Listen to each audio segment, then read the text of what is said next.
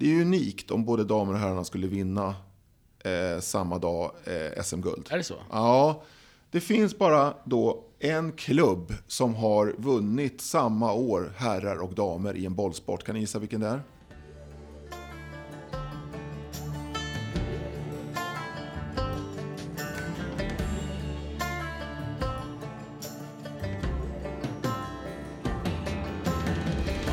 Hej och välkomna till fjärde avsnittet av VSK-podden Uppför Bågebacken. Idag har vi eh, faktiskt tänkt spela in en bandyfinalpodd. What? Jag vet, det här är en fotbollspodd, och, eh, men VSK bandy är ju faktiskt i final igen. Det kan ju tyckas vara eh, vardag, men eh, vi tycker att det är värt att uppmärksamma. Ja, absolut. Jag heter Johan och eh, som vanligt är Anders. Ja, det är jag. Du är också med idag. Ja, idag med. Och vi har två gäster som kan mer om bandy än vad jag och Anders kan. Vi är en fotbollspodd. Vilka är ni då? Jag heter Lasse Östling, är bandyfanatiker. Bandy är min religion. Härligt. Henrik Nilsson, VSK SM Barnsben. Bandy var själva inkörsporten. Vi är bandynördar. Absolut. Japp. Därför, eftersom vi har bandynördarna här, så tänkte vi att vi börjar prata lite grann om eh, VSK Fotbolls träningsmatch Yeah! Sandviken idag. I fotbollspodden! Upp för. Bågebacken. Exakt. Så, ehm, eh, Anders, eh, ditt eh, snabbutlåtande här. Ja, jag satt ju och kollade på matchen då på vägen hit från min eh, stad där jag bor, som inte är Västerås. Och, eh, så det var lite dålig uppkoppling, så jag missade en del av, lite laggad, men och på telefonen bara, så att eh, Jag eh, inte riktigt eh, analysklar med matchen. Men det blev ju 5-0 som sagt var, och det var ju stabilt. Min första reflektion var ju kanske mer så här, om det här Sandvikenlaget slog Dalkurd med 3-1 i förra helgen och förlorar med VSK med 5-0, då undrar man hur bra Dalkurd, eller snarare hur dåliga de är. Och för det var ungefär samma startelver. Just det. Ja, jag såg matchen på telefonen sittandes på Leos lekland på sexårskalas. Så att jag Härligt. ger ingen djup analys. Jag är bara glad över att det gick, eh, gick bra. Det var Eh, stabilt spel. Mm. Det var det. Har ni sett matchen? Nej. Nej? Jag såg den. Du såg den? Ja, Okej. ja jag var imponerad. Ja. Jag tyckte VSK ställde upp med en halv B-uppställning. ja, det var ju det. Och spelade enkelt, eh, tog sig runt på kanterna snyggt, spelade ett väldigt, väldigt ja, men enkelt och, och eh, effektivt spel, ska jag säga. Lite bandykänsla över det nästan. What? det här gamla bandet spelade och kör på kant och sen in med fo- fotbollsbanden Ja. som Micke Karlsson uppfann för ett antal år sedan. Ja. Ja. Nej, men, och sen eh, blir det ju ändå... Alltså, fem mål gjorde vi det i seriematch någon gång förra året. Jag tror inte... Det, det kändes som att vi... Det var ju... Och det var ändå ett eh, Sandviken som... Eh, ja, men det, vi brukar ju inte göra mycket mål på dem och det brukar ju kunna vara... Ja, eh, de är ju målsnåla. de är försvarsinriktade. Jag vill bara säga det. Sandvikens bästa spelare var deras målvakt. Ja. Säger rätt mycket om den matchen. Exakt. Han gjorde många fina räddningar. Så, och då är det bara liksom att vi väntar här på, vi sitter och håller tummarna för att eh, Diego Montiel ska värvas och sen kommer Yes. vi liksom få storhetsvansinne fullständigt Exakt. innan Så kommer åka premiären. ur sen innan det här är slut. Så, nej men det är lysande. Eh, är det nog pratat om fotboll för idag känner ni eller? det Eller det, hur? Ja, det är det. Så är det. Då går vi över till att prata, prata allvar. Och vi kan väl börja med då att reflektera över vad som har hänt då. Då får vi backa bandet lite grann till säsongen som var då, alltså förra året då, när det inte gick så bra. Vi åkte ur i kvarten mot Villa. Och det var tufft och det var ifrågasättanden. Laget hade inte spelat bra. De gamla hjältarna hade inte producerat det man hade kunnat förvänta sig och så vidare. Och sen så slutade ju flera av dem. Gamla Anders Brud med flera. Och Bergvall gick till AIK. Och, eh, och, och, och, ingen, och man kunde ju förstå någonstans att det inte fanns pengar att värva nya stjärnor för. Då, utan det skulle till någonting annat. Och det som blev var ju då som både på pappret och kanske känslomässigt kändes som någon slags nödlösning då med fyra spelare från Tillberga och Kjellson från eh, Sirius. Då. Och det that was it. Och eh, med detta lag skulle man då på något sätt... Ja, vad hade vi för förväntningar egentligen med ett sånt lag? Ja, vi hade väl ungefär samma förväntningar som bandyexperterna där ute. en eh, sjätteplats var det tipset som man hade på VSK inför säsongen. I grundserien, alltså en sjätteplats Ja. i grundserien. Det var det.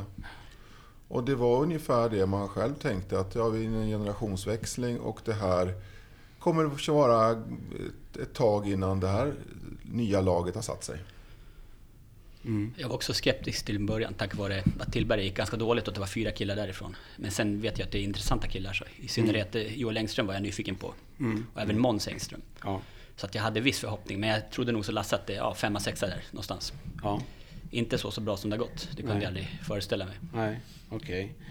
Så det var en fråga, men den hoppar vi över då. Kunde ni ana den här utvecklingen? Det kunde, det kunde kanske ingen göra? Ja, alltså inte en final. Nej, Det kunde jag inte drömma om. Nej.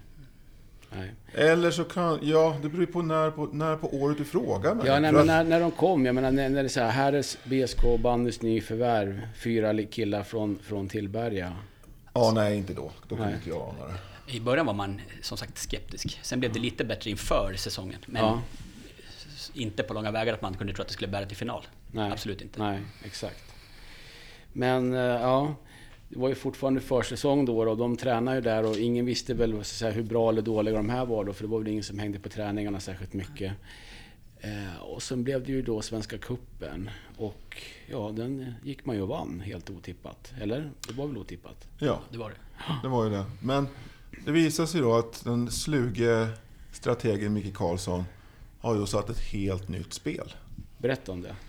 Ja, eh, man kan säga så här. Micke Karlsson har ju då utvecklat två helt nya former av bandyspel eh, Ja. under sin tränarkarriär i VSK. Okej. Första eran som vi tog två SM-guld med. Det var fotbollsbanden.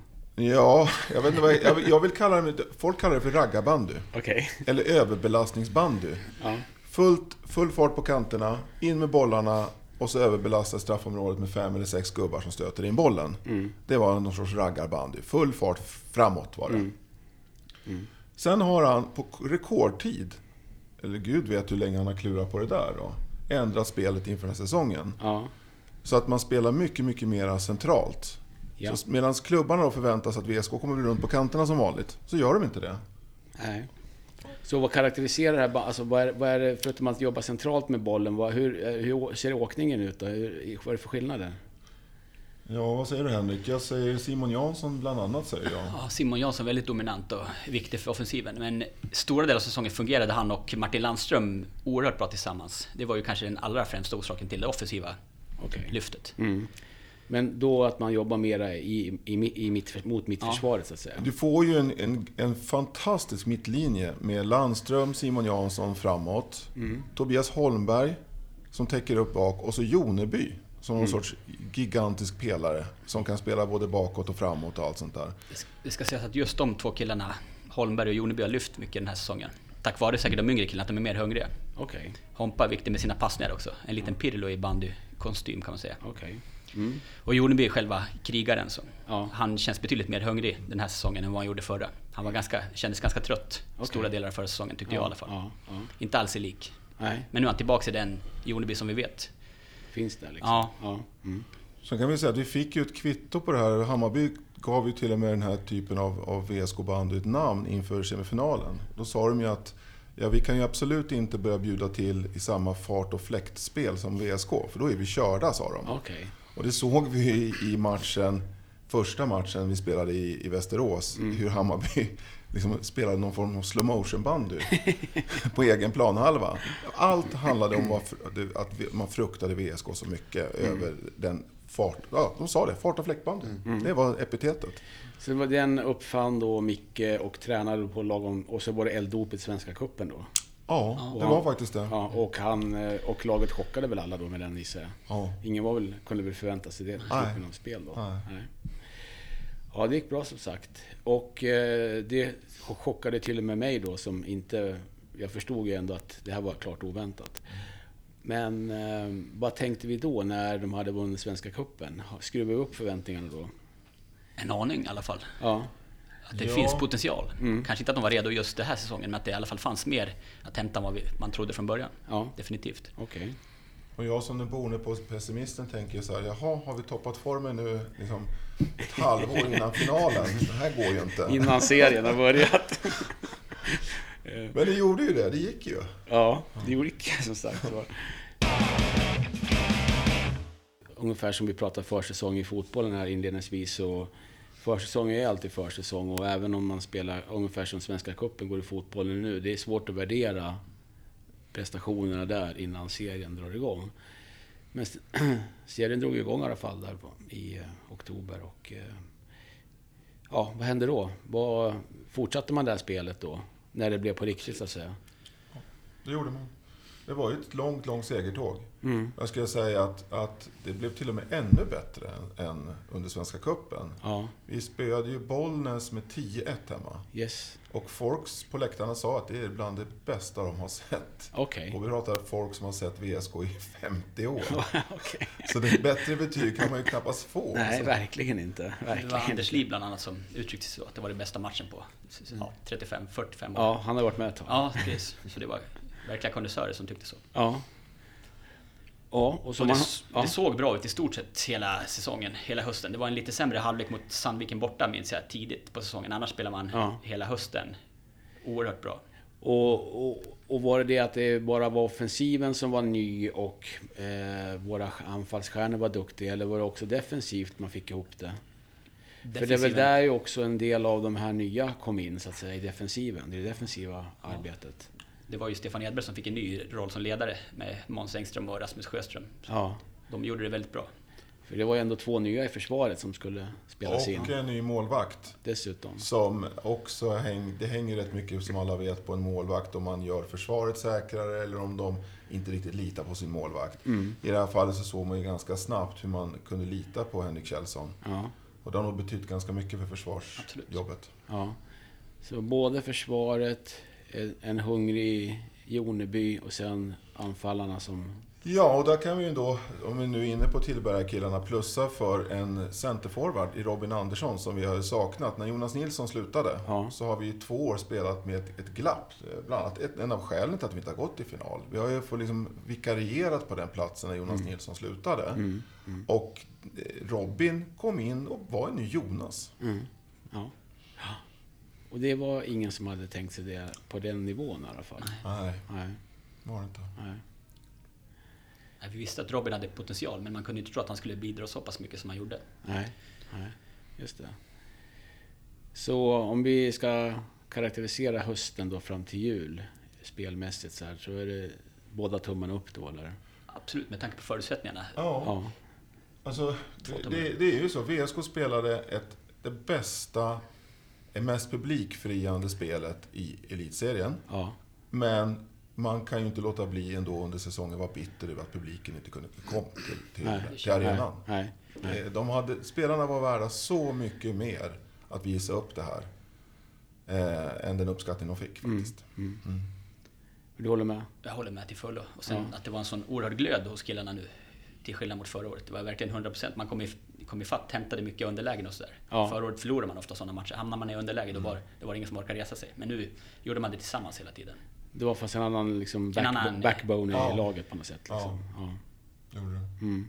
Och det var förmodligen de yngre killarna som tände lite de äldre. Ja. Ärrade killarna. Holmberg, Joneby, som vi har nämnt. Och då måste jag fråga, utan att vara någon expert på bandet då. Eh, skedde den här generationsskiftet för sent då? då? Två år för sent?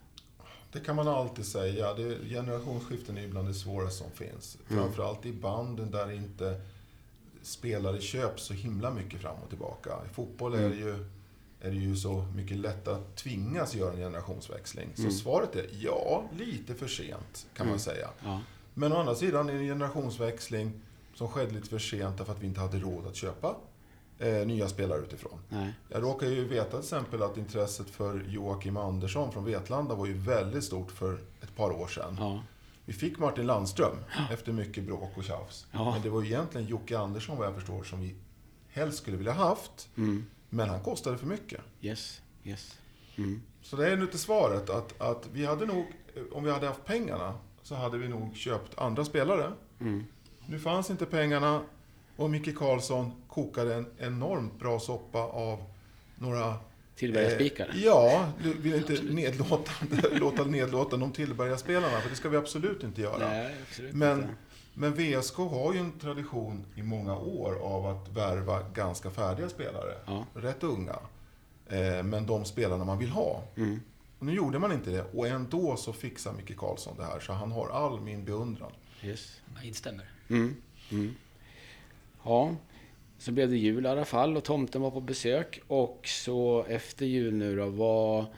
Visst gick det lite sämre i januari där? Det var en lite sämre period, framförallt försvaret läckte lite. Eller läckte, men de var i alla fall sämre än vad det var före jul. Och spelet hackade lite också. Jag skulle säga att där, där, den berömda energin vi har pratat om försvann ju lite grann där. Okej. Det var ju en Hälsinge-turné där. Broberg borta, Bollnäs borta, Edsbyn borta. Där man kände ju inte riktigt igen laget. Eh, och lite var det sådär man tänkte att, ja, ja. Är det så här vi kanske är vi normalt nu då? Har vi liksom överpresterat hela, hela hösten och, och förvintern? Är det så här vi ska vänja oss vid? Så. Mm. Men, men jag tror ju ändå, jag vet inte hur du känner Henrik, men en lag måste ju ha, ett lag måste ju ha eh, svackor under en säsong. Så är det Det handlar bara om att pricka in svackorna i rätt tid. Ja, Ser man över säsongen så är det väl två sämre matcher. Det är väl Vänersborg borta och Broberg borta som man Ja. känner det där borde, ha- där borde de ha agerat bättre. okej. Och det är ändå två matcher av väldigt många. Ja. Mm. Så Ja, det, säger väl en hel del. Om Det hur får man bra man ändå var. Exakt. Stabilitet trots allt. Ja, spännande. Den här svackan som ändå inträffade i januari då, går den, tror ni, går den att koppla till, eh, till eh, det som hände i klubben då runt jul där med ekonomiska frågetecken och sånt där? Jag tänker på Sandviken har ju presterat dåligt och de har ju, det har ju varit kris i klubben. Och Hammarby. Och Hammarby. Hammarby presterade väldigt dåligt när, eh, när smällen kom. Ja, ja, sant. Ja, man undrar ju. Men eh, vi vet inte. Vi kan sitta här och spekulera. Jag har inte pratat med, med spelare eller folk i klubben. Nej. Det var ju samtidigt ingen extrem eh, förvandling i spelet. Det var ju Nej. lite sämre, så jag tror det handlar om en mer naturlig svacka som Okej. drabbar lag, Mm. tror jag. Mm. Mm. Mm. Precis. Utan att sitta på fakta naturligtvis. Men Ja, nej, nej, men det... Min känsla. Nej, just det med att andra, de andra lagen gick ju klart sämre. Som en, på något sätt upplevde man i alla fall som en följd av Mm. den turbulens som fanns i klubbarna. ja. Ja, men... ehm, så slutar vi då tvåa i serien till slut. Och eh, ja, var det rättvist? Det tycker jag väl, för jag tycker att Villa och VSK har spelat den bästa banden och offensivast bandy också. Okej. Jag håller helt med. Ja. Ehm, och tittar man tillbaka historiskt så är det oftast ettan och tvåan i grundserien som möter varandra i final. Ja, ungefär 75% av fallen är det så. Oj, har du koll på, statistiken så? Alltså? På Anno har vi koll på Oj. grejerna. Och ni vet väl att det är bara, sista 12 åren så är det bara ett lag som har kommit ett eller två som har vunnit finalen. Ja, just det. Mm. Det är 100 procent. Det finns inget lag som kommer underifrån som har vunnit finalen. De kan ha spelat final då i 25 procent av fallen, men de vinner inte. Mm. Så statistiken är mördande. Mm. Därför är det viktigt att komma tvåa. Om man... Statistiken verkar vara starkare än bandyspelarna. Vi måste väl tillägga sista seriematchen mot Sandviken som blev väldigt dram dramatisk, som var absolut avgörande om just, Just andra platsen. Det måste vi, just vi- Ja, vi- den måste vi prata lite om. VSK behövde vinna med två mål för att nå andra platsen och gjorde det precis. Just det, så L- det. Låg under stora delen men kom igen och gav sig aldrig, vilket var en fantastisk prestation i sig. Mm. Ja. Rent tekniskt kanske inte var en jättematch, men dramatiskt och i farten och fläkten var det en enorm upplevelse. Det var Fultius medvetslös. Det var inte fart och fläkt längre. Det var... Nej, men det var, en, det var en imponerande moral som hela laget visar upp. Ja. Är det, där alla kämpade som djur för varann. Mm. Eh, Mm. Och så hamnar man i lite jobbiga underläge. Jag minns inte exakt siffrorna, men om, om de gjorde 2-3, tror jag, i andra halvlek, sen blev det 2-4. Jag kan ha fel. Men man fortsatte, då brukar det bli en mental Mm. Ja. dipp sådär. Men Ja. de fortsatte bara att köra. Okej. Och vann till slut. Ja, vände det liksom. Till. Jag tror ju att jag minns att det var ungefär 20 minuter kvar när VSK låg under. Mm. Också. Mm. Mm. Och så lyckas man vända det. Ja. ja. Och jag var ju orolig, för jag satt och tittade lite grann på den matchen. Och jag var ju orolig, för jag vet att kommer de tre, då vinner de inte SM-guld. Mm. Mm. Så att... Så alla möjligheter öppnas ju med den segern, så den var fantastiskt skön. Ja, precis. Men också där synd att det var så pass lite folk. Jag Ja. minns inte siffran, men det var en dålig publiksiffra med tanke på hur Ja, viktig matchen var och vilket lag de mötte. Ja, exakt. Digniteten på matchen. Borde de ha vunnit då, serien? Eh, svaret, alltså menar du eh, ur moralisk hänvisning? Nej, inte, Eller ja, sätt jo, det, vi borde... Ja, VSK det ska alltid serierna. ja. Moraliskt sett ska vi alltid serierna, det är ju givet. Men om man tittar på det rent och bandytekniskt och eh, liksom vad de respektive lagen presterade under säsongen. Villa var nog allra vassast om vi är ärliga så, i serien. Mm. Var de ännu jämnare på något sätt? då? De gjorde, tog inte de där De fick väl ingen sån där förlustmatcherna? Hälsingesvacka som VSK fick. Nej. Jag tror de förlorade, var det en match? De förlorade. En match och en oavgjord.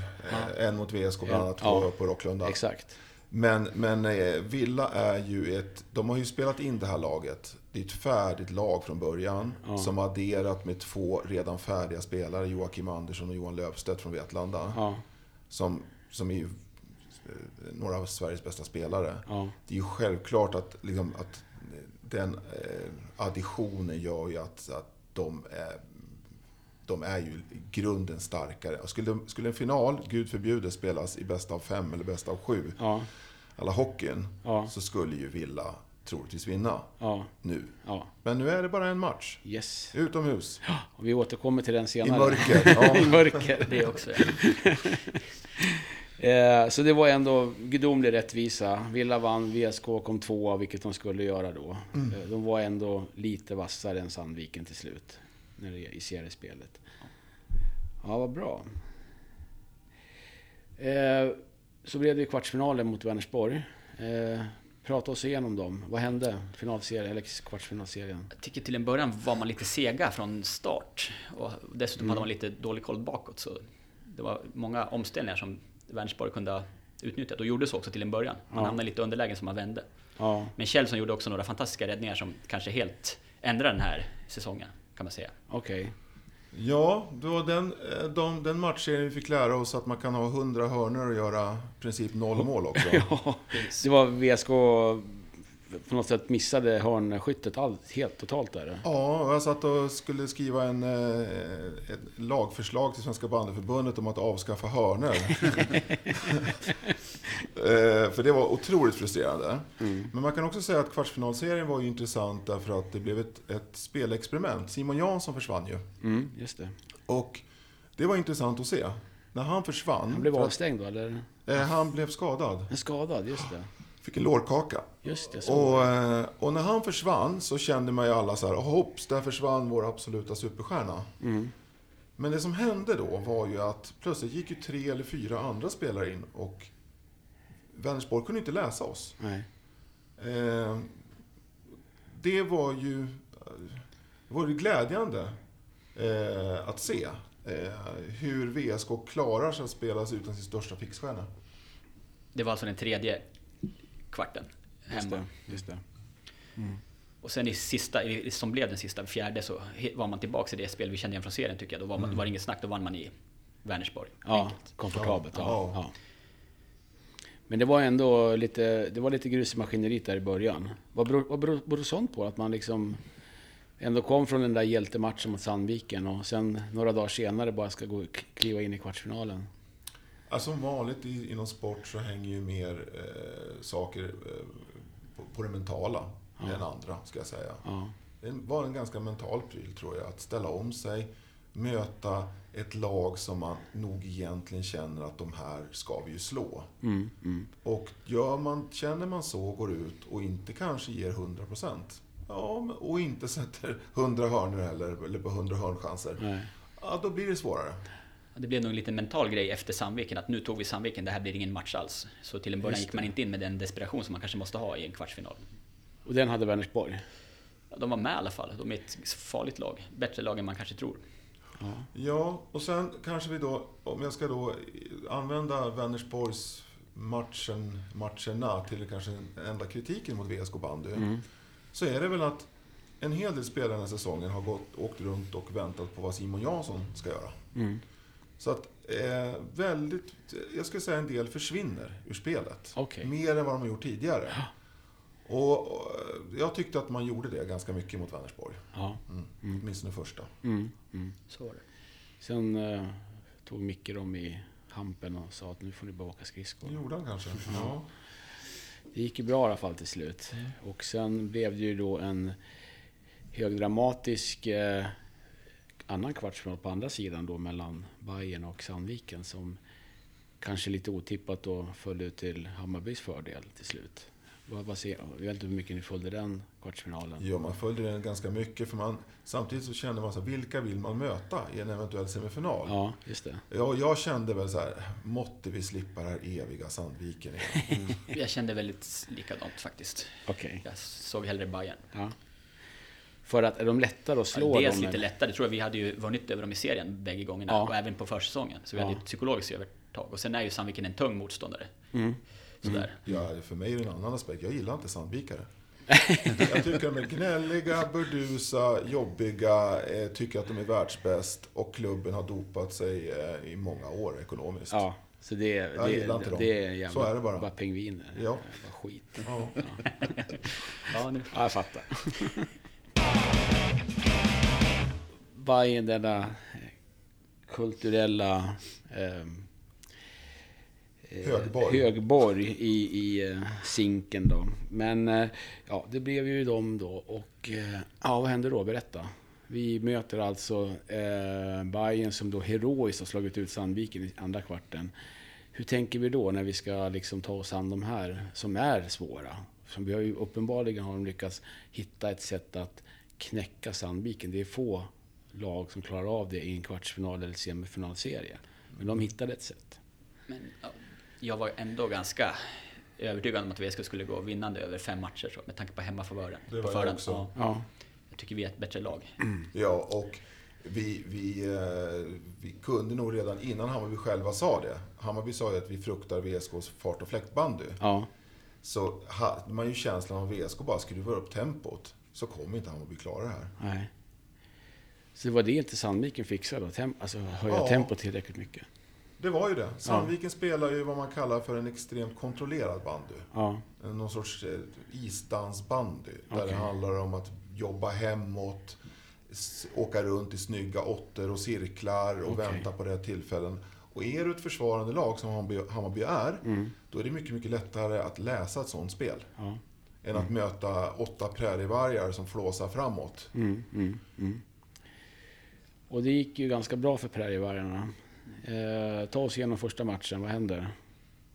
En ganska vansklig match. VSK är klart bättre Ja. över 90 minuter, men Hammarby har perioder när man skapar vassa chanser. Kjellson är på nytt framme och gör flera viktiga räddningar. Ja, ja, Och ett tag har VSK svårt att få tag i bollen då i början av andra halvlek när Hammarby håller igen väldigt mycket utan att slå en enda passning framåt. mm, Men Just sen det. får man tag på det och lyckas vinna. ja. Och vad, vad, vad slutade den matchen? Jag kommer inte ihåg det. Eh, Den slutade 6-3 till VSK. tror jag. Yes. Ja. Och så åker vi då till Stockholm och där var även jag och tittade. Vad, eh, det var ju snöstorm. det var väldigt mycket snö på isen också. Eh, och vi trodde väl alla att det skulle bli en 3x30 match, men det blev det ju inte. Nej. Med följden av att det var snöskottning i, i långa perioder. Eh, vad hände? Berätta. Jag vet inte, jag såg aldrig bollen. Nej, det gjorde ingen av oss. Det man kan konstatera Det som kan konstateras var att VSK hade första halvlek klart, Hammarby hade andra Just minst det. lika klart. Ja, 3-0, första blev 3-3 och bud på 4-3 till Hammarby. exakt. Men som så många gånger tidigare har VSK lyckats vända igen, resa ja. sig. Ja, Och Simon slår in den i, på stopptid, som man säger i fotboll i alla fall. ja, Så ja. Jo, oerhört skönt. Det var väldigt skönt. Jag var ju också sagt var där och såg avgörande målet. Eh, Det var ju väldigt härligt. Mycket VSK det där. Ja. Det var som gamla goda tider som vi sa Ja, på läktarna. just det. Var det. Ja. Väldigt bra stämning.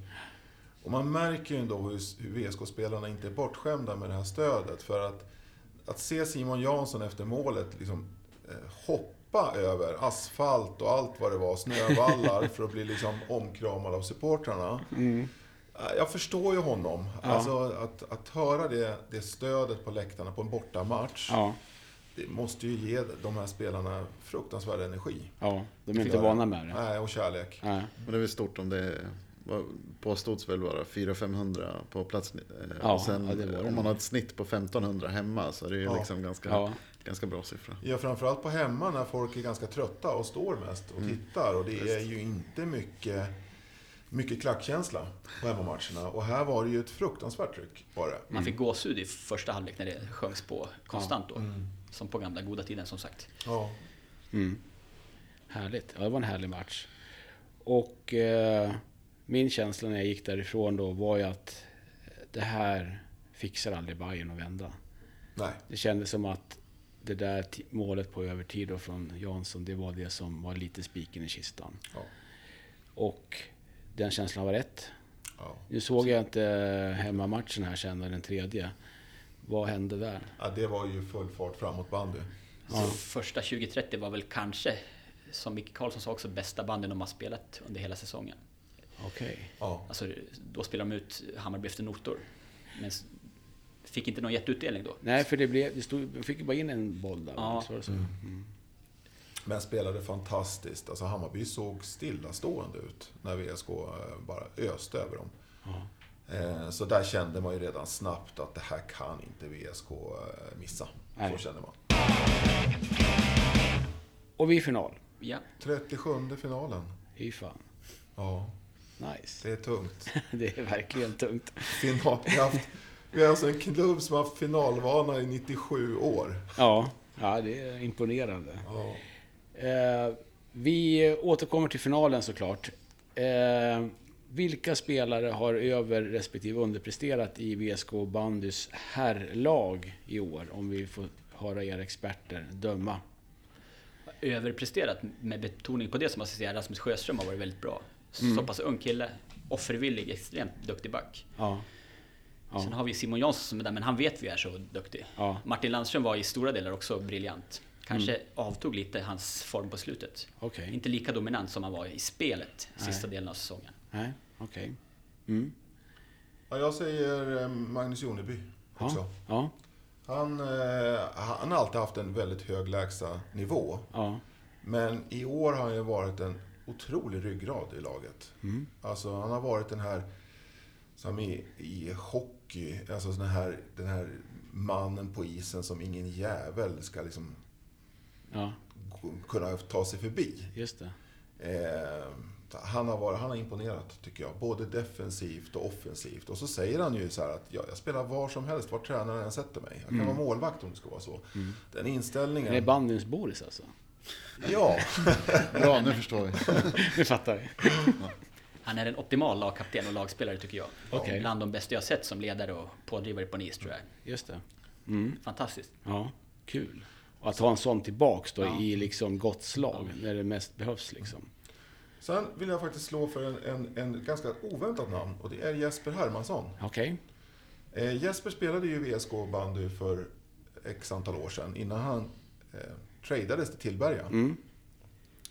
Och jag kan väl tycka då att Jesper på den tiden var en, en kompletteringsspelare mer. Mm. Eh, ganska defensiv, fick, gjorde nästan aldrig några offensiva vändor och sådär.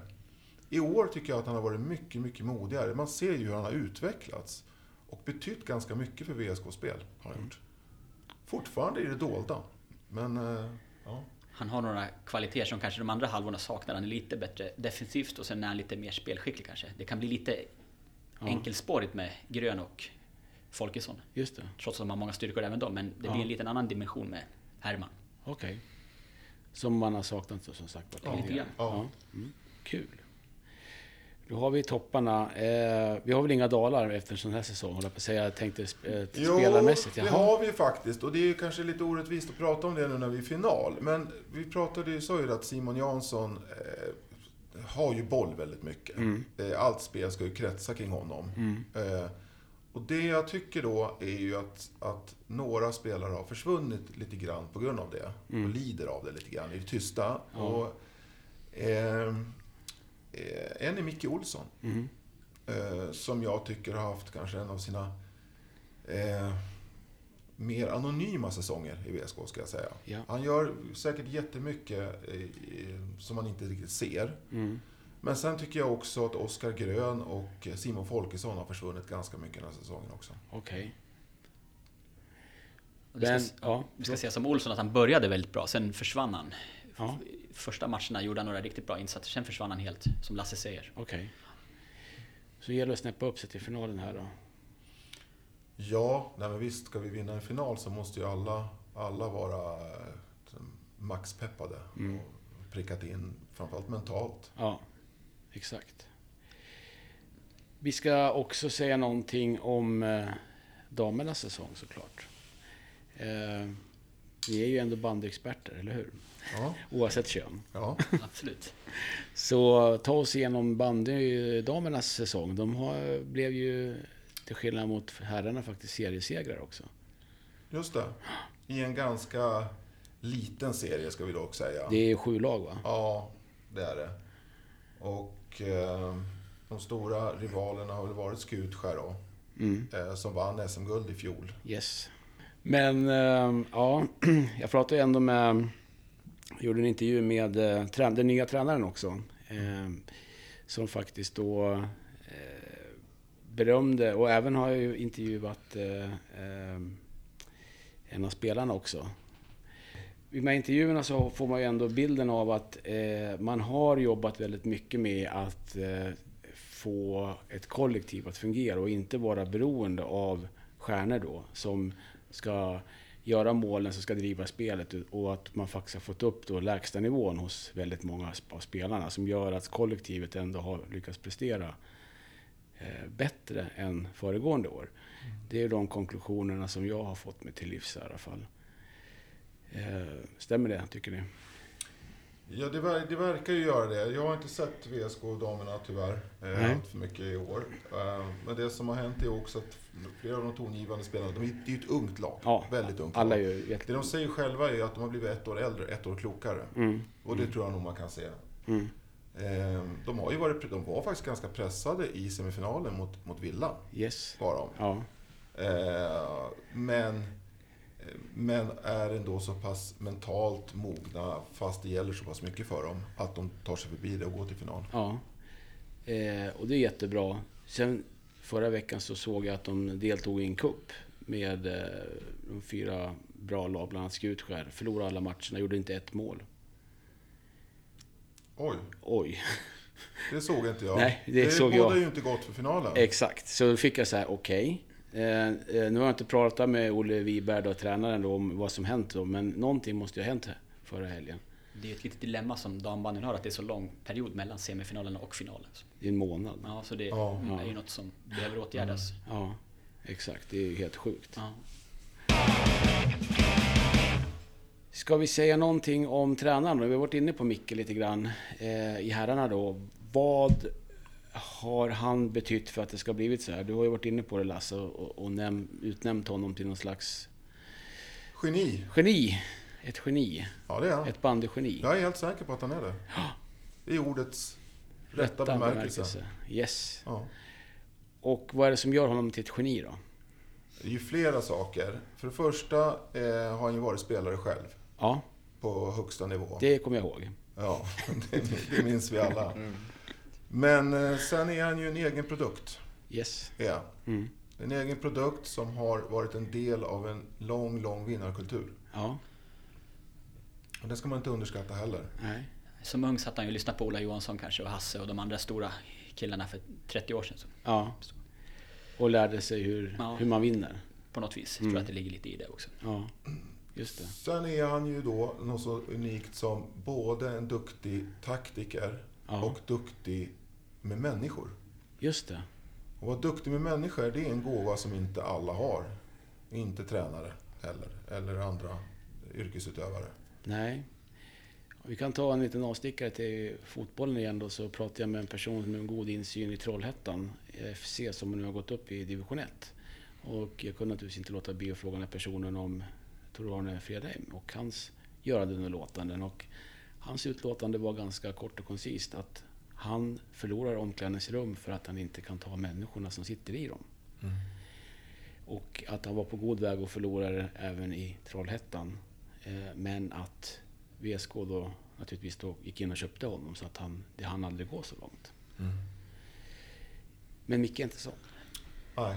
Och sen just hans förmåga är nog som innebär att man kan ingjuta mod i sådana här svåra lägen. Som mot Sandviken, att man hamnar i underläge, man fortsätter ändå bara nöta. Och mot, både mot Sandviken och Hammarby, när man liksom hamnar i svåra underlägen men fortsätter på samma, samma mynt. Det brukar inte lag göra, man brukar tappa. Mm. Och det är nog en hel del Mickes förtjänst. Vad, är han, vad är det han säger till spelarna i, när, De de, får väl en när, slags trygghet. när de tar de här timeouterna som man har i bandyn? Det är ju ett verktyg tränarna har där som inte finns ja, i fotbollen till exempel. Ja, timeouterna visar sig då vara inte, inte fullproppade med enormt eh, avancerade taktiska förmaningar. Ja, det brukar inte fungera. Nej, utan Micke, vad jag förstår, säger väldigt enkla saker. Han till och med tar ju timeouten när de leder och säger bara “fortsätt så här, ni är jätteduktiga”. Han kan till och med säga sådana saker när de ligger under. “Jag ser att ni spelar rätt. Fortsätter vi så här, då kommer vi vinna”, säger han. Eh, och det intressanta är ju att alla i laget verkar ju ställa upp till 100% på allt han säger. Mm. Av ett gott skäl, därför att de förstår att han är klokare än de flesta de har eh, haft som tränare. Mm. Någonsin. Skulle det vara en katastrof för klubben om han försvann? Ja, det skulle det. I alla avseenden. Nej, men jag tror vi har sett modeller för VSK bandy här och kanske VSK fotboll om det skulle vara så. Vi ser en person som har Västerås och klubben i sitt blod. Mm. Eh, som har vuxit upp eh, och blivit en väldigt, väldigt klok strateg med åren. Eh, det är inte alla som blir det. Micke Karlsson har blivit det. Mm. Eh, han ser bandyn bättre och tydligare än de, de flesta andra tränarna. Jag skulle säga till och, med, ja, till och med bättre än Villas tränare, eller en Sykes eller en Hammarbys tränare. Han har någon, en gåva eh, som han har lyckats förmedla till spelarna. Mm. Och han har dessutom lyckats få de unga spelarna att, att steppa upp. Och ge dem förtroende, blåsa in saker i dem som, som gör att de blir bättre på bara några månader. Det är, magiskt, det är magiskt. Det är magiskt. Mm. En kille som Rasmus Sjöström slänger sig hejvilt och offrar sig vid hörnor. Mm. Som en bandys Börje Salming liksom. Just det. På Mickes order. Ja, men det finns, hans ande svävar nog lite över allting som sker i klubben tror jag. Just det. Just det. Man tror på sig själv, man blir trygga, man vill verkligen Ja, VSK-märkets bästa. När man Yes. har Micke vid sidlinjen. just det. Mickes facit då i VSK är ju sex guld på åtta finaler som spelare. Ja, Det är två guld på fyra finaler som tränare. ja, Kan bli ytterligare ett guld. ja. Han måste ligga på plus där så att eh, det ser till, ser till, att vinna dem. Mm. Vi ska prata lite grann om eh, bandyn som klubb också. Det har ju ändå varit lite turbulent i bandyn eh, under eh, den här säsongen. Eh, det har hänt flera saker. Eh, säsongen börjar ju, eller förlåt, året börjar ju med att eh, den mångåriga klubbchefen och den marknadsansvarige personen Micke Campese annonserade att han skulle sluta. Och han har ju ändå, för alla som alla känner till, varit Mr VSK, Mr Bandy framförallt då i Västerås under ett decennium. Vad har det betytt, tror ni, för bandyn? Om man tänker då både kulturellt, sportsligt och ekonomiskt inte minst eftersom han var ju också marknadsansvarig i klubben. Ja, ekonomiskt kan vi ju fortfarande inte ens se eh, vad, än så länge kan vi en, överblick vad det här betyder mer än att Nej. det här är eh, att klubben att det ser ganska allvarligt ekonomiskt ut i klubben. Mm. Som vi kan vi konstatera. Mm, mm, Sen är det ju så, eh, Micke Campese eh, gjorde sig till den store, store ledaren i VSK bandy. Och som all ledarskap handlar om, är, handlar det om att, att alltid ha en tydlig nummer två i klubben efter sig. mm. Eh, eller att klubben åtminstone ser till att det finns en, en tydlig nummer två. En kronprins. Ja, för att eh, blir det så att det är en person som driver en klubb och den personen lämnar, Mm, så säger det sig självt att det skapas ett enormt tomrum och gap. ja, Och jag vill påstå att det är det som hände i VSK. Mm. Plötsligt står alla och tittar på varandra och inte var förberedda på det som hände. nej, Och eh, vi har ju fortfarande inte sett slutet på konsekvenserna av det här. nej. Vad händer nu? Vem ska, vem ska så att säga, vem ska ge klubben, klä orden, eller klä klubben i ord, som han gjorde väldigt mycket? Ja, det undrar ju jag också. Mm, Det har jag ju fortfarande inte sett än. nej. Och eh, någon måste ju steppa upp och ta någon form av mandat att vara talesperson, eh, tycker jag. Mm, Just nu sker ju det mesta i tysta. Eh, det finns, sponsor, det finns eh, marknadsansvariga i klubben som åker omkring och träffar sponsorer för att dra in mer pengar. Vi har en ordförande som då och då skickar ut lite väl valda eh, meddelanden om, om status i klubben. Men det är ju alldeles för lite. mm, Eh, man, man, som supporter vet man alldeles för lite vad det är som händer just Mm. nu, ska jag säga. mm. Precis. Och Eh, jag, jag kan ju flika in då, som dessutom är någon som har ganska, eller som betraktar det här verkligen utifrån vad gäller vad som händer i VSK bandy. Att jag har inte riktigt förstått heller eh, om det är så att det råder ekonomisk kris eller om det inte gör det. För att om man lyssnar på hur klubben kommunicerar så är det ju allt är bra, eh, nu kör vi och sen är det liksom nej, det håller på att gå åt pipan och, och sådär. Jag förstår att eh, det, det gör det ju väldigt, eh, måste, det måste vara svårt att jobba i en sån organisation som inte eh, är transparent eller liksom tydlig med hur egentligen, eh, hur det egentligen ligger till. Där har ju eh, VSK Fotboll har ju haft precis samma problem länge men där man liksom har ta- tagit ett tydligt beslut om att nu måste vi liksom vara öppna mot våra medlemmar och partners och västeråsarna och så här.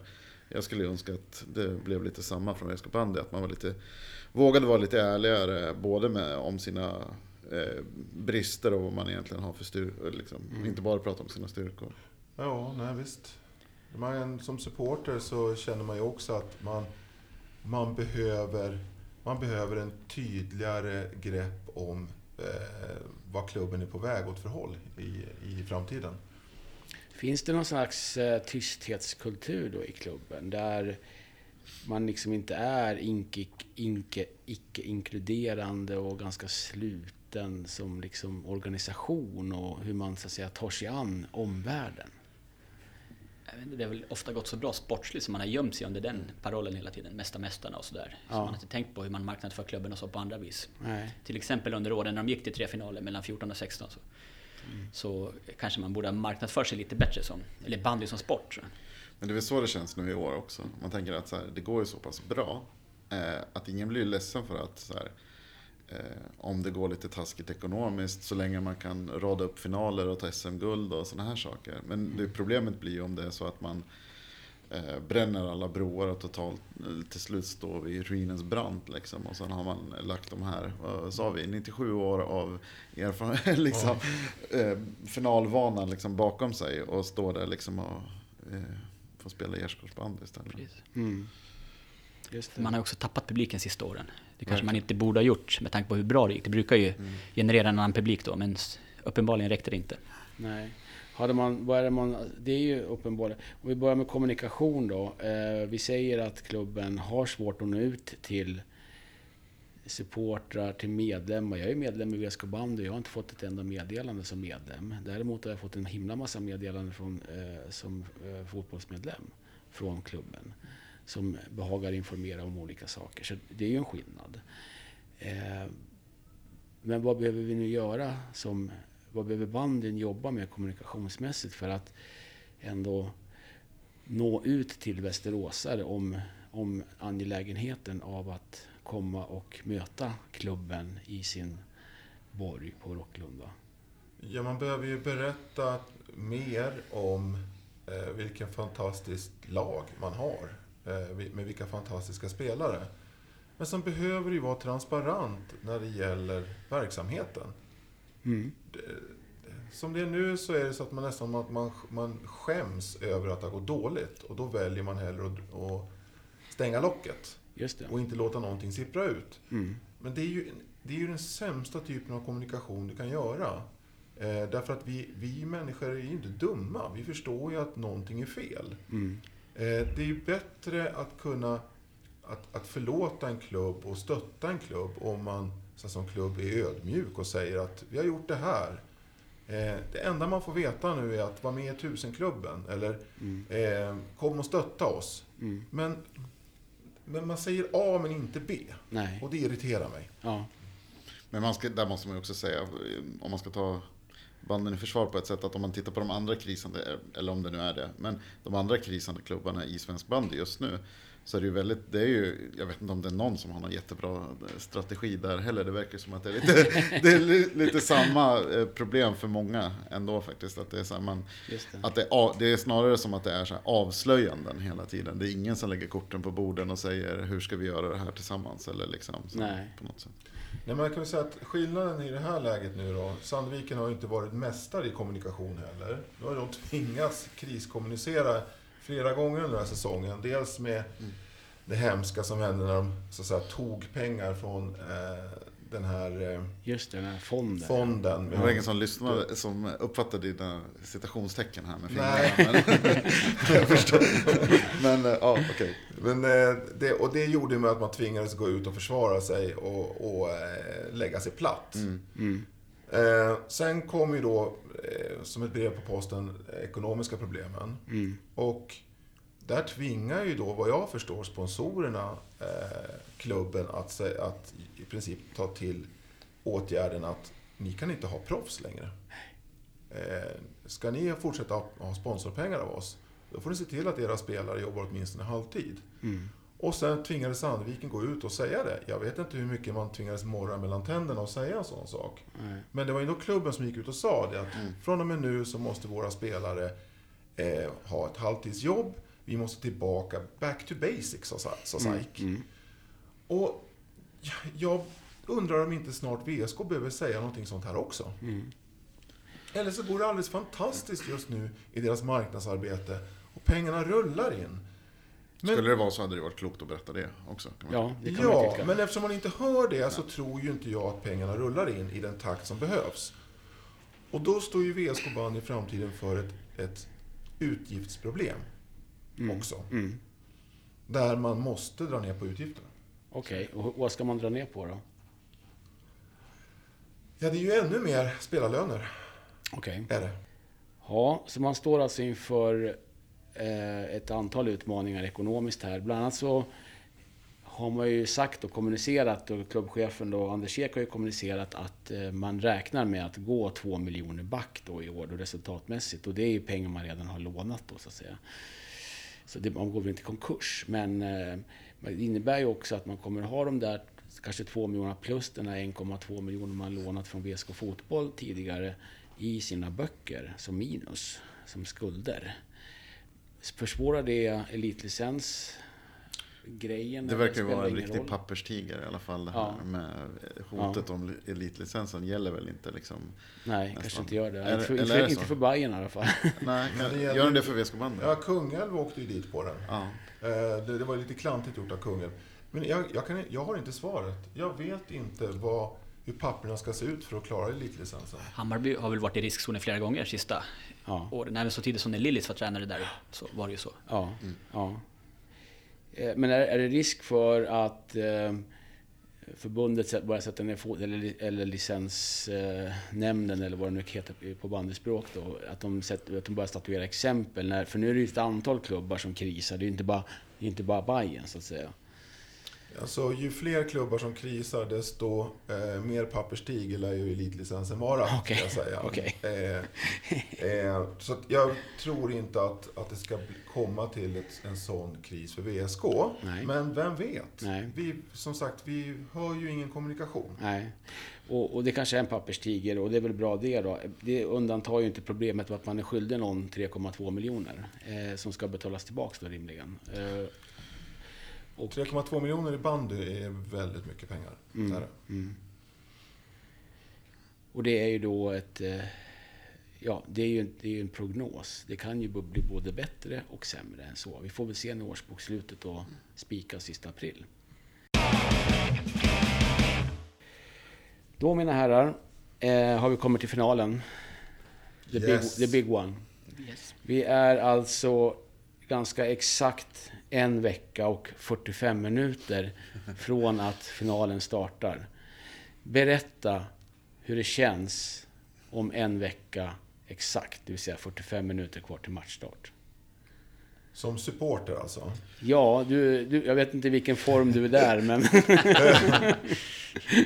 Jag, jag är där som, som allt känns det som. Som. Jag lägger in hela mig själv i det här. det är bra. Ja, det är alltid jobbigt. Ju äldre man blir desto jobbigare blir det tror jag, rent nervositetsmässigt. Ja, Fast jag ska nog säga det att den här finalen skiljer sig lite grann åt jämfört med många andra finaler jag har varit med på. how is that? Därför att vi går dit, eller jag går dit, med en ganska avslappnad syn på finalen. Okej. Vi går inte dit som några favoriter. Nej. Det känns som att det här, blir en sorts, det här har blivit en sorts bonusfinal. Mm. Det är sant. Eh, och så kände jag 2009. Mm.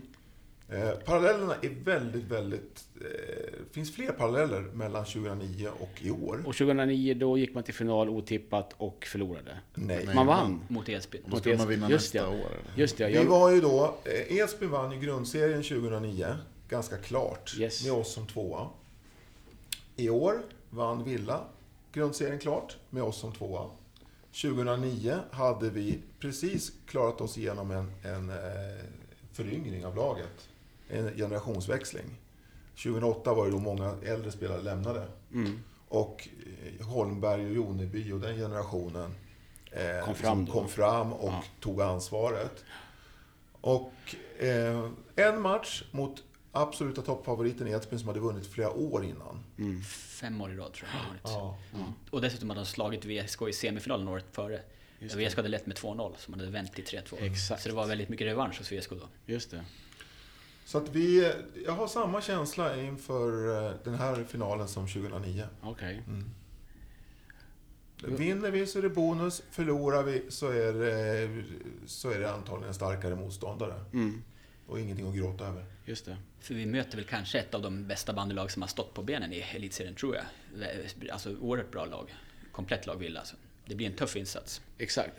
Alltså, när du säger så, fin- det är ni som kan bandyn, har ni genom åren stött på ett så komplett lag som Villa ändå har i, i år? Jaha då. VSK 90, VSK 91, VSK 93, VSK 94. Henrik har helt fel. Det finns hur många VSK-lag som har varit Exakt, mycket men vi bättre än den från jävla dem. Villa. Ja, vi bortser från dem, för de spelar inte längre de lagen. Jaha, du menar så? Om vi försöker eh, så tro, Jag tror kanske det VSK-laget som fanns i mitten av 90-talet, slutet av 90-talet var i det närmaste lika komplett som det Villa-laget. Men det är ju svårt att Ja, man kan inte jämföra eror, det skiljer ju skulle, 20 år. de VSK-spelarna skulle ju förlora den, match, den här matchen ändå, för bandyn har ju gått framåt. Ja, men, ja Nu precis. tittar Nej, Lasse på mig som... Nu tittar Lasse på mig som jag är Helt dum i huvudet. Alltså, jag tror vi satt i en VSK-podd och inte Villa-podd här. Ja, det har blivit, det har Nej, blivit men- trickad. Det innebar inte att jag trodde att, VSK, att Villa ska vinna. I en final Nej. kan allt hända. Ja, ja, men det är ju det som är På skärmen. pappret menar jag är Villa klart bättre, men en final är en final. Och En där, final, det har vi ju lärt oss. Och vi som sagt var, inte minst då eh, 2009 när jag låg på ett sjukhus i England och tyvärr inte kunde delta i finalen. Så, men jag lyssnade på, eller lyssnade, det gick inte att få in någon radio heller, men jag, mina, min bror skicka sms om eh, hur det gick. Eh, så kunde man ju ändå förstå att det här kommer ju vara ett otroligt svårt eh, en svår match att vinna på pappret, alltså när man kliver ut där på isen. Men det sa vi även då Villa eh, 15 va? Eh, Sandviken 15 var det vi Ja, mötte och ja, Villa det är sex- 2016. 16, ja, precis. Villa 16 så har vi samma sak. De var ju faktiskt favoriter då också. Mm. Och... Eh, det, Däremot, du, du frågar hur det känns inför finalen. Jag kan säga så här, jag har ju blivit så gammal att jag tyckte det var rätt skönt att ställa sig inomhus, eller till och med sätta sig inomhus på Tele2 eller Friends. Ja, Nu ska man till Uppsala igen. Jag har varit i Uppsala. Jag räknar ut. Jag har sett på live och varit på plats på 16 SM-finaler. okej. Har jag varit. Ja. Fine när man var 22 liksom och klättrade på staket på Söderstadion och klev i geggan på Studenternas 91, liksom 92. Ja. Inga problem. Nu känner jag så här, vad är det för väder i Uppsala? Ja, Hur stor fylla är det där? okej.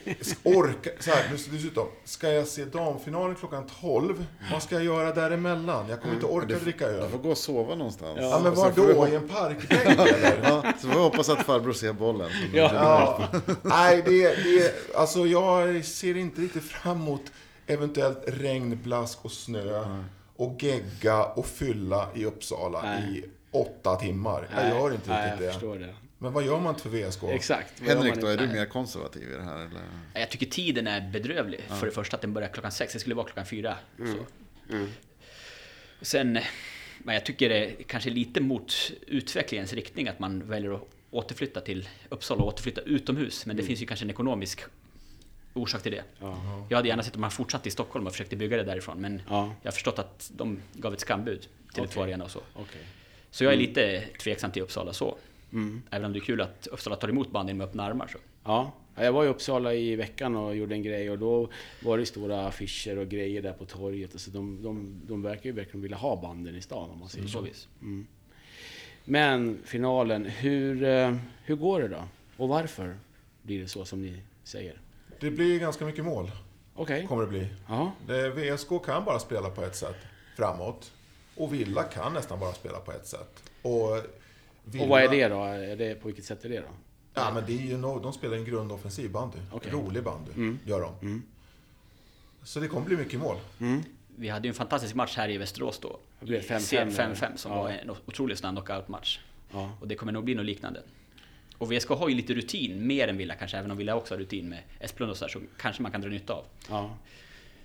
Och att man faktiskt har varit här förut och eh, man har någonting att vinna. Det känns som att Villa mer har någonting att förlora kanske.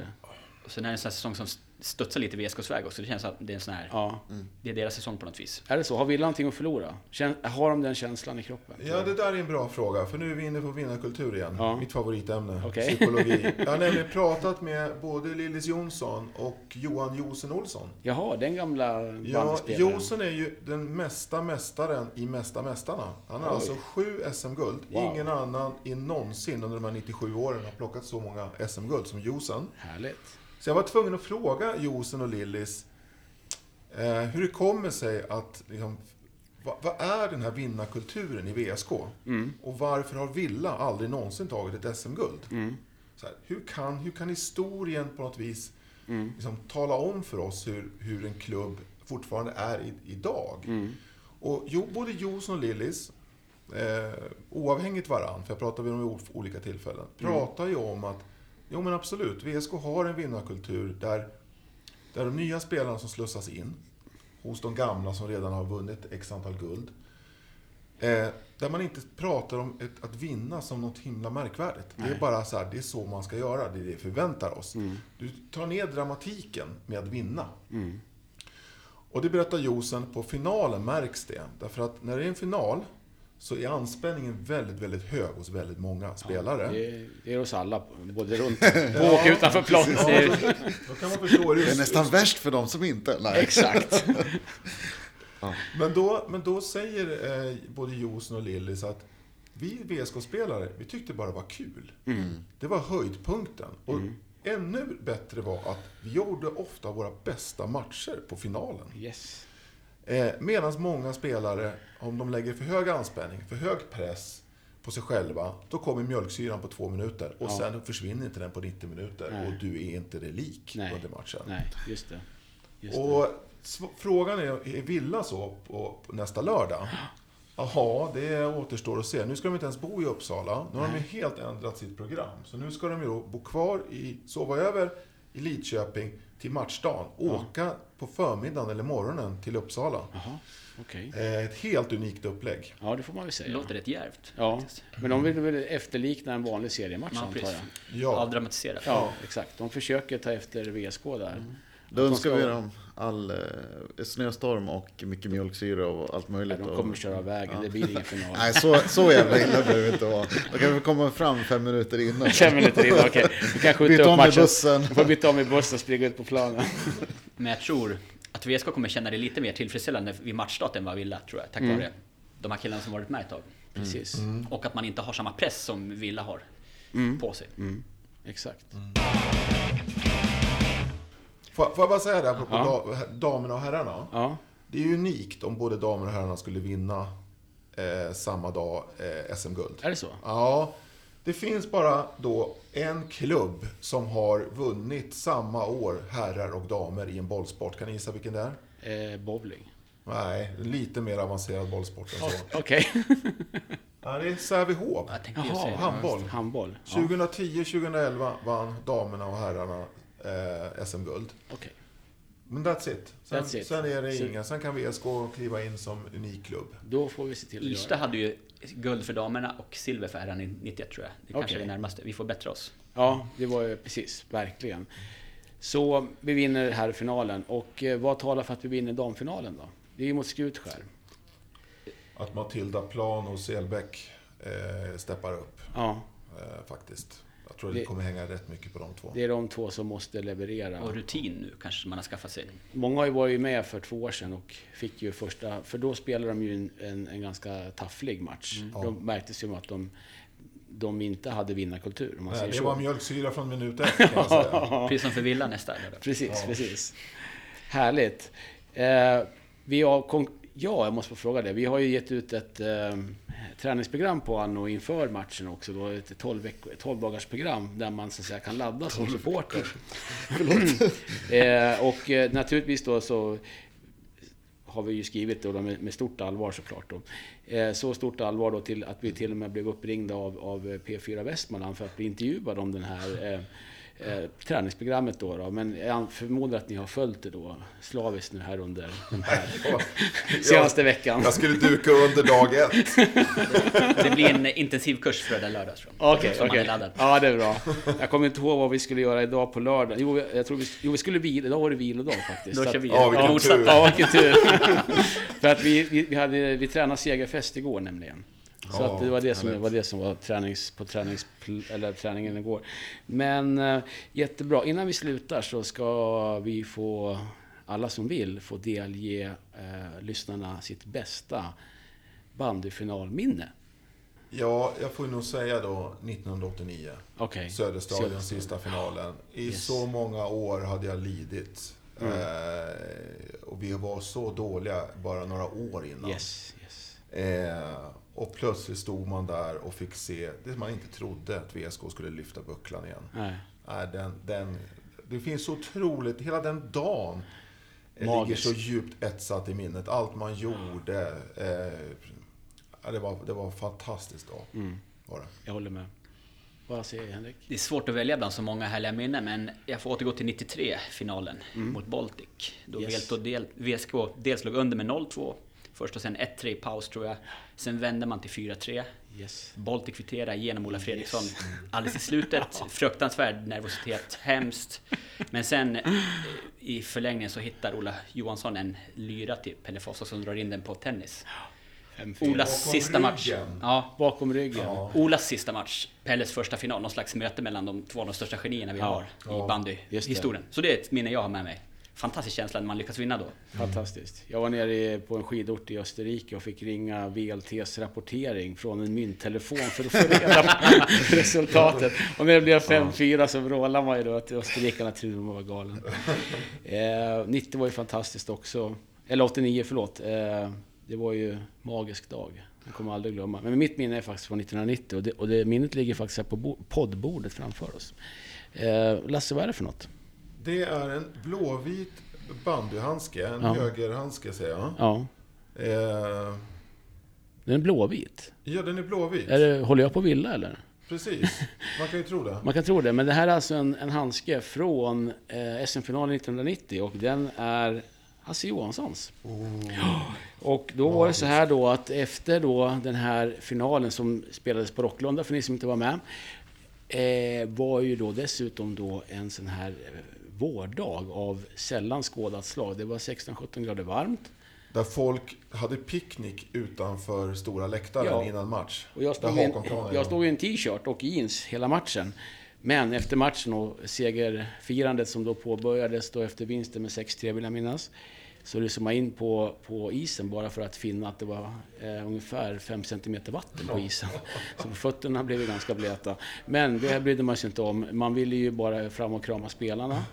Och eh, gärna ha någon souvenir. Och min bror var också med mig.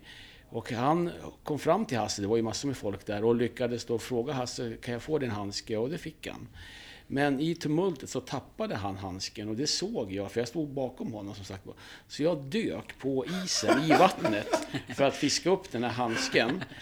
Vilket jag då uppenbarligen fick tag i, med, på bekostnad av att jag blev dyngsur såklart. Och förlorade min relation till min bror som fortfarande hatar mig för att jag tog hans handske. Så vi, vi pratar inte med varandra längre. På, det är vi inne på 27 året, eller vad blir det? 28 året. På grund av 29. Hasse Johanssons högerhandske. Exakt. Ja, det är tungt. Så kan det vara. Bandy i livet. Eh, superbra, vi är ju faktiskt klara. Jag tänkte bara, eh, få, jag tar sista ordet och berätta att vi sitter och spelar in en dag på ett nytt ställe som vi inte har varit på förut. På Hotell Plaza i Skrapan. Mm. Exakt. Som har varit jättesnälla. Och låter oss sitta här Och, helt eh, gratis och bjuder på bananer och vatten och allt möjligt. Så det, Det är, perfekt. Vi, vi tar oss upp i smöret i den här Verkligen. Undrar fotbollspodden. vad vi ska vara nästa Ja, det vet gång vi. sitter vid skybaren. Då åker vi hissen upp här skybaren.